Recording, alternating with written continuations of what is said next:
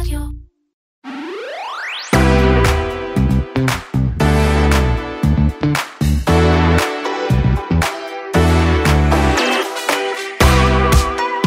המשבר בהייטק ממשיך להתפתח ולהחמיר, וברבעון השלישי נרשמה ירידה של 70% בגיוסים הגדולים של מעל 50 מיליון דולר. מה המשמעות של זה לסטארט-אפים הקיימים, ואיך זה ישפיע על האקו-סיסטם של ההייטק הישראלי, נדבר על זה עם מאיר אורבך, כתב ועורך ההייטק בכלכליסט. הצופים חוזרים לנטפליקס, ובגדול החברה פרסמה דוחות אה, מצוינים. מה הלהיטים שהובילו אותה לדוח הזה, ואיך הבינג' קשור לכל זה. אתם מאזינים לקוקיס, פודקאסט ההייטק והטכנולוגיה של כלכליסט. אני עומר כביר. אני מעיין כהן רוזן, מתחילים.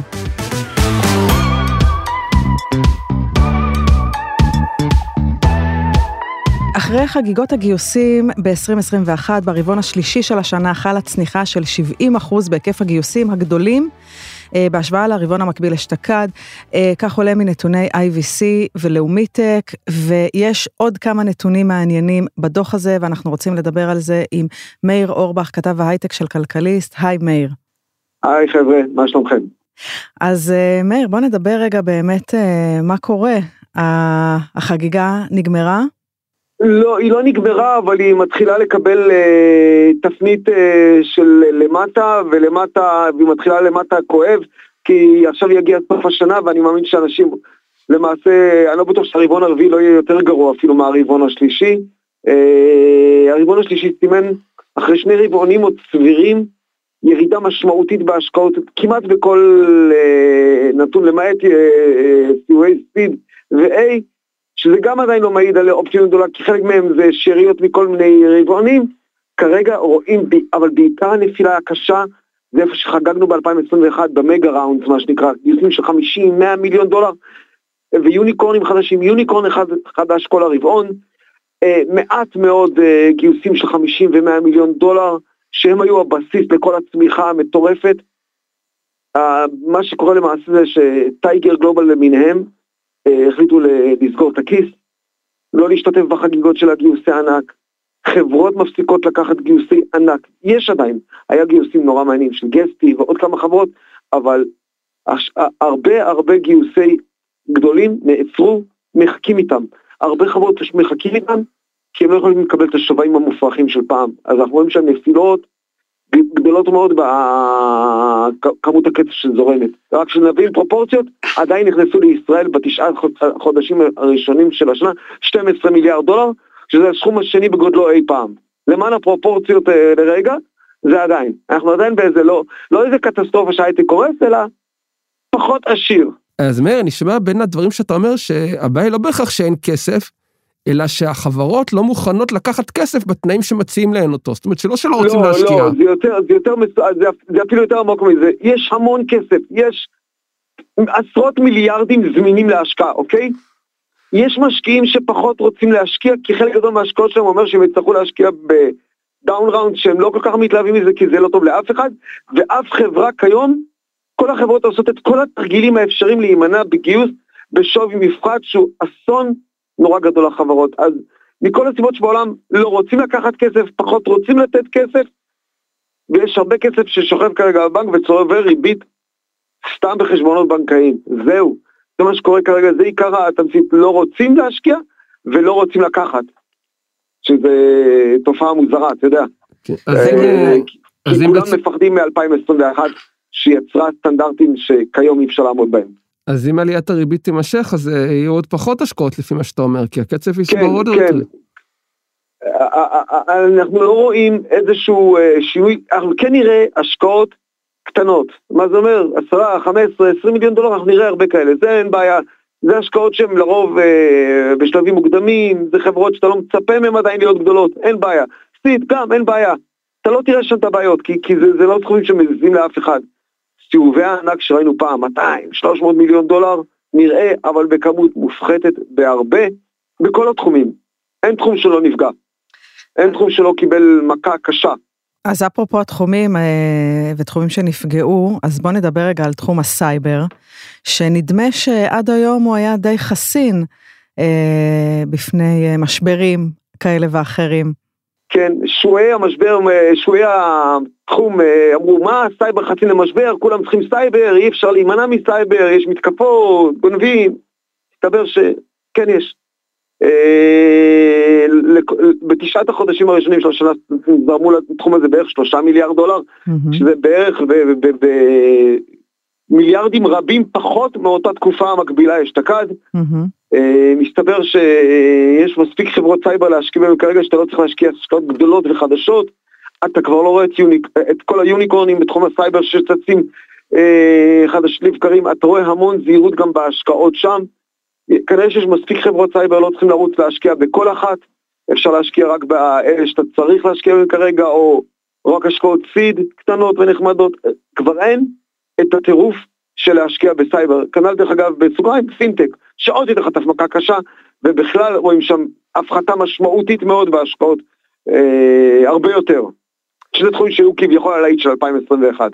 מאיר, מה ההשלכה של ירידה בהשקעות על סטארט-אפים ישראלים? זה בעיקר פגיעה בחברות שגם ככה המוצר שלהן היה לא משהו ורק רכבו על הגל של לא, ההשקעות לא, לא. המוגברות? כולם, לאט לאט נראה את כולם אה, מקבלים אה, מכות מכל מיני סוגים, החל מחברות שיבינו שאם הן לא יכולות, יש הרבה חברות שיבינו עכשיו שהן לא יכולות לגייס בעשרה החודשים הקרובים, אז הן צריכות או להימכר, או חלילה להיסגר, או לעשות פיטורים משמעותיים, יהיה המון צעדים, אנחנו נראה לאט לאט את מה שדיברנו עליו הרבה זמן, את אחרי החגים של ההייטק הישראלי, בכל מיני דרכים. החל ב... אנחנו נראה הרבה אקזיטים קטנים, אקזיטים בינוניים, של חברות שיגידו, עדיף לי במקום להילחם בשוחות ולפטר אנשים, להימכר בסכום הרבה יותר נמוך ממה שחשבתי, עד חברות שיפטרו הרבה עובדים כדי לשמור את עצמם בחיים כמה שהם יכולות, ויהיו כאלה שיעשו את הדבר שהם הכי פחות רוצות ויגייסו בשווי מופחת.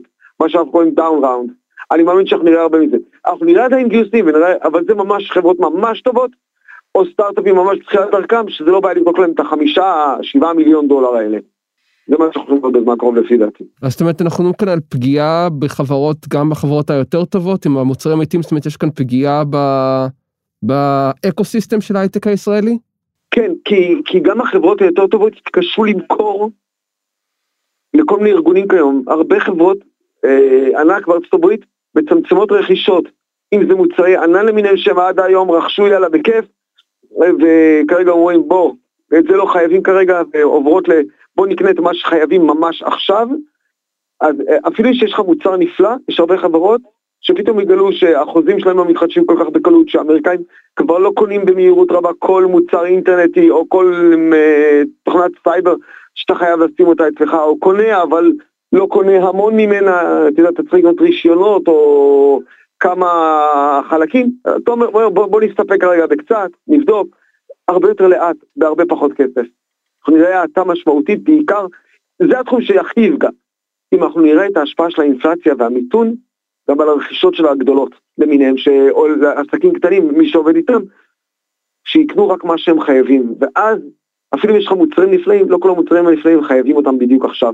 אפשר לחכות עוד שנה, וזה מכה קשה להרבה חברות. טוב, אה, מאיר, תודה רבה לך על התובנות האלה. תודה מאיר. ביי. ביי ביי.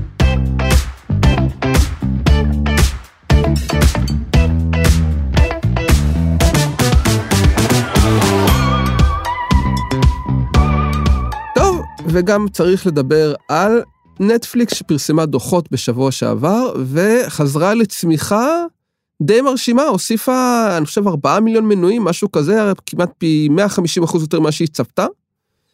הכל בסדר בנטפליקס, נראה לי. הצופים חוזרים. חוזרים, כן. למה זה קרה? אה, בעיקר העונה השנייה של, העונה הרביעית של דברים מוזרים. קצת דאמר, שעזר, אני חושב שדאמר הרגישו אותו יותר ברבעון הנוכחי.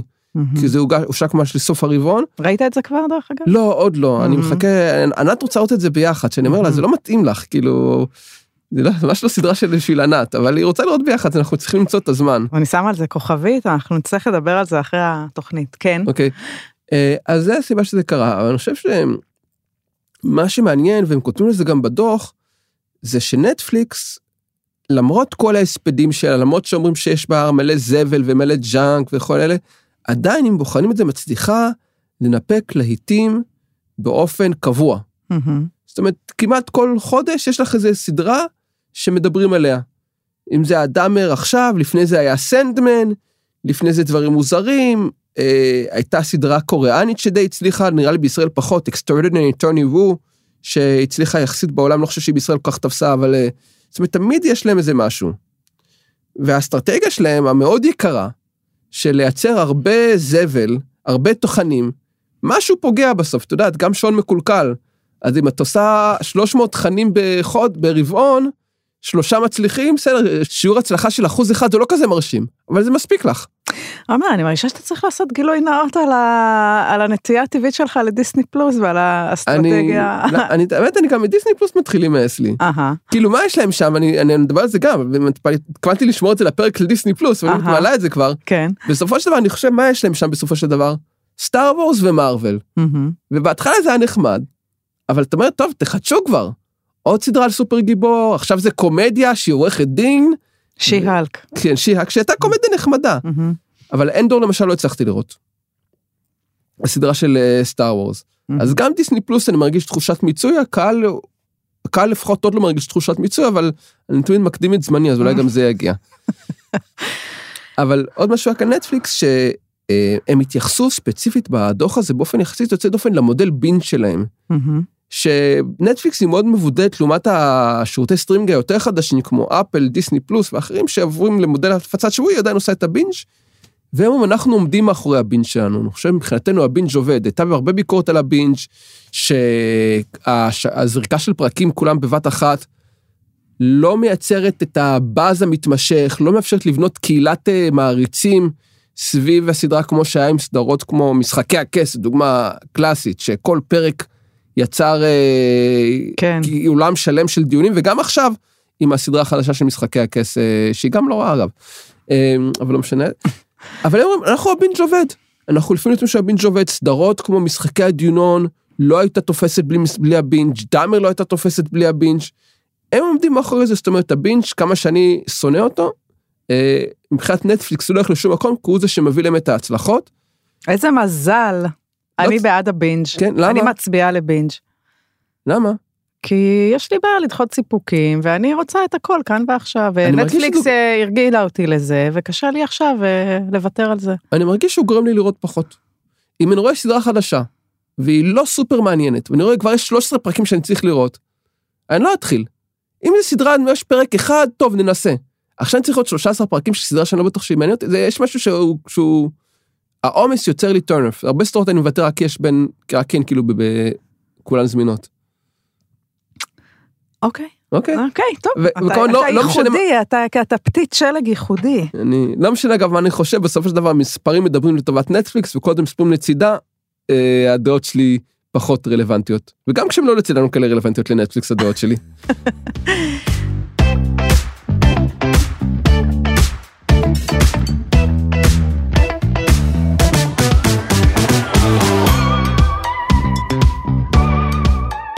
ומהקוקיס אנחנו עוברים לקוקיות ההמלצות הדברים הקטנים שעשו לנו את השבוע. מעיין הקוקייה שלך. אז אה, עומר, בזמן האחרון אני מרגישה שאני חלק, אה, שאני כמו בתוכנית בוקר, כי אני כל הזמן ממליצה על אה, דברים לעשות עם הילדים Mm. ובילויים כאלה ואחרים, זה, אתה יודע, זה רוח התקופה של החגים, ואני מקווה שמשבוע הבא אנחנו כבר נעבור לדבר על דברים, אתה יודע, יותר אה, נגיד ברומו של עולם, או יותר אה, של מבוגרים. אה, בכל מקרה, אז אה, ההמלצה שלי היא אה, לחוות מחדש את הקסם בסרט איטי. אה, אתה, מה? אז תשמע, הסרט כן. חגג, לא, הסרט חגג עכשיו 40 שנה, וכזה, סבתא של איתמר הציעה לקחת אותו, ואני כאילו אמרתי, בטח הוא ישתעמם, וזה בטח לא ידבר אליו בכלל, ו... ותשמע, הוא הלך, זה בדיבוב לעברית, שזה כאילו בטח אה, הוריד בהרבה מהקסם של הסרט, אבל עדיין הוא, תשמע, הוא חווה בסרט הזה קשת שלמה של רגשות, הוא, הוא, הוא דאג, הוא פחד, הוא צחק, הייתה לו הקלה, הוא שמח, הוא נהנה, הוא חזר הביתה באיזו התרוממות אה, רוח כזאת, ואמרתי, וואו, כאילו, אחרי 40 שנה הסרט מצליח עדיין לרגש ילדים מודרניים, וזה היה יפה, לא יודעת, זה כאילו הפך אותי קצת אה, לסנטימנטלית. אז אני אגיד לך מה אני חושב על איטי. כן. א', לא אהבתי אותו כל כך כשהייתי קטן. ולפני כמה ש... לפני מעט חודשים ראיתי אותו עם יונתן, שהוא בערך מהמם. בגיל של הבן שלך, כן. וראינו אותו, והיה בסדר, כן, כאילו, אבל אוקיי. באמת לא, עדיין לא הבנתי, וגם הוא לא הבין. בסדר, כי אתה שידרת לו כנראה שזה סרט לא משהו, אז הוא... לא יודע. אני, אני, אני עשיתי לו בילדאפ לסרט, ואמרתי לו כמה זה סרט יפה ומרגש. אני, אני מחכה שיהיה מספיק גדול לראות את פארק היורה. זה סרט. Oh my God. מה? איך זה- אתה משווה? וואו. איטי זה זה- סרט על חברות, על הבית. כן, אבל פארק היורה זה סרט על דינוזאורים. אוקיי. ומה ההמלצה, מה הקוקייה שלך השבוע? אה, אז אחת מסדרות ה nineties האהובות עליי הייתה זינוק לאתמול, Quantum Leap. על אה, דוקטור סמואל בקט שחוזר בזמן לאירועים שקרו בתקופת חייו ועוזר לאנשים שם אה, בכל פרק במשהו אחר, נכנס לגוף של אנשים אחרים ועשו reboot לסדרה. אה, עם cast חדש לגמרי ואותו קונספט. ומה שאני אהבתי כשראיתי אותה הייתי שנות 90 הייתי teenager. זו הייתה בחצי סדרה שעסקה בהיסטוריה עתיקה. זאת אומרת היו שם אירועים מה-70's, מה-60's, מה-50's, זו סדרה כזאת היסטורית. עכשיו זו סדרה נוסטלגית, זה כאילו דברים מהחיים שלך, הם חוזרים כאילו לאירועים שקרו בתקופת החיים שלך. כאילו פרק שני הוא במעבורת החלל, אני זוכר את התקופה של מעבורת החלל, וסתם מצחיק איך אה, הפרספקטיבה על הזמן משתנה עם הגיל, זאת אומרת שהייתי קטן, שנות ה-60 נראו לי ההיסטוריה הרחוקה, כאילו נדבר שנות ה-80, שנות ה-60 נראו לי כאילו היסטוריה עתיקה מזמן. עכשיו מה זה שנות ה-60 להיום? זה כאילו תחילת המאה הנוכחית. זו תקופה שאני מרגיש כאילו היא הייתה אתמול. אז אה, אם אתם רוצים להרגיש זקנים, אה, זינוק לאתמול. היום אנחנו נוסטלגיים, היום אנחנו כזה מבכים את היותנו זקנים. טוב, בסדר, אה, שבוע הבא נחזור להיות צעירים ובועטים, לא? וקולים. נראה לי שזה מאוחר מדי בשביל חלקנו.